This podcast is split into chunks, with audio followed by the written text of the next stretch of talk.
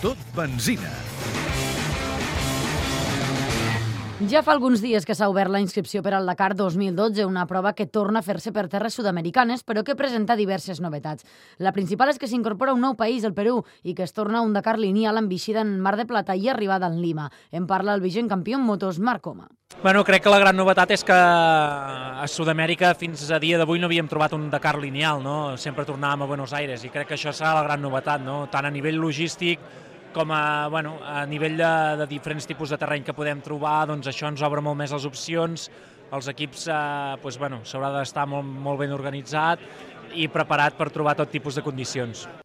Tot i que el recorregut ja està pràcticament definit, encara hi ha aspectes per tancar, com per exemple la possibilitat de desdoblar etapes per a cotxes i camions d'una banda i motos i quads de l'altra. David Casteràs, el director esportiu del Dakar. Vamos a hacer, creo que vamos a hacer un, un bivouac deporte de, diferente de los otros para la moto una vez, creo.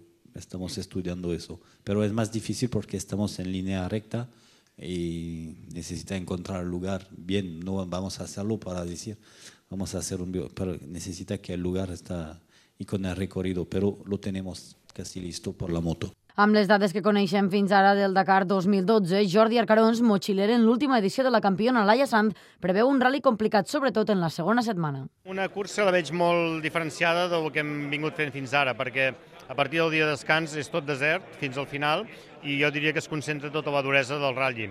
Fins al dia de descans serà un rally pues, diria, amb una etapa, sí, eh, a Fiambalà, molt complicada, com, com sabem tots, però és a partir del dia de descans que realment hi ha una part nova a Perú, que hi ha molta sorra, però molta, hem quedat tots meravellats dels paisatges, però un cop estiguin allà els pilots, o hi estiguem, serà un infern, segur. El Dakar 2012 arrencarà l'1 de gener en el Mar de Plata, Argentina.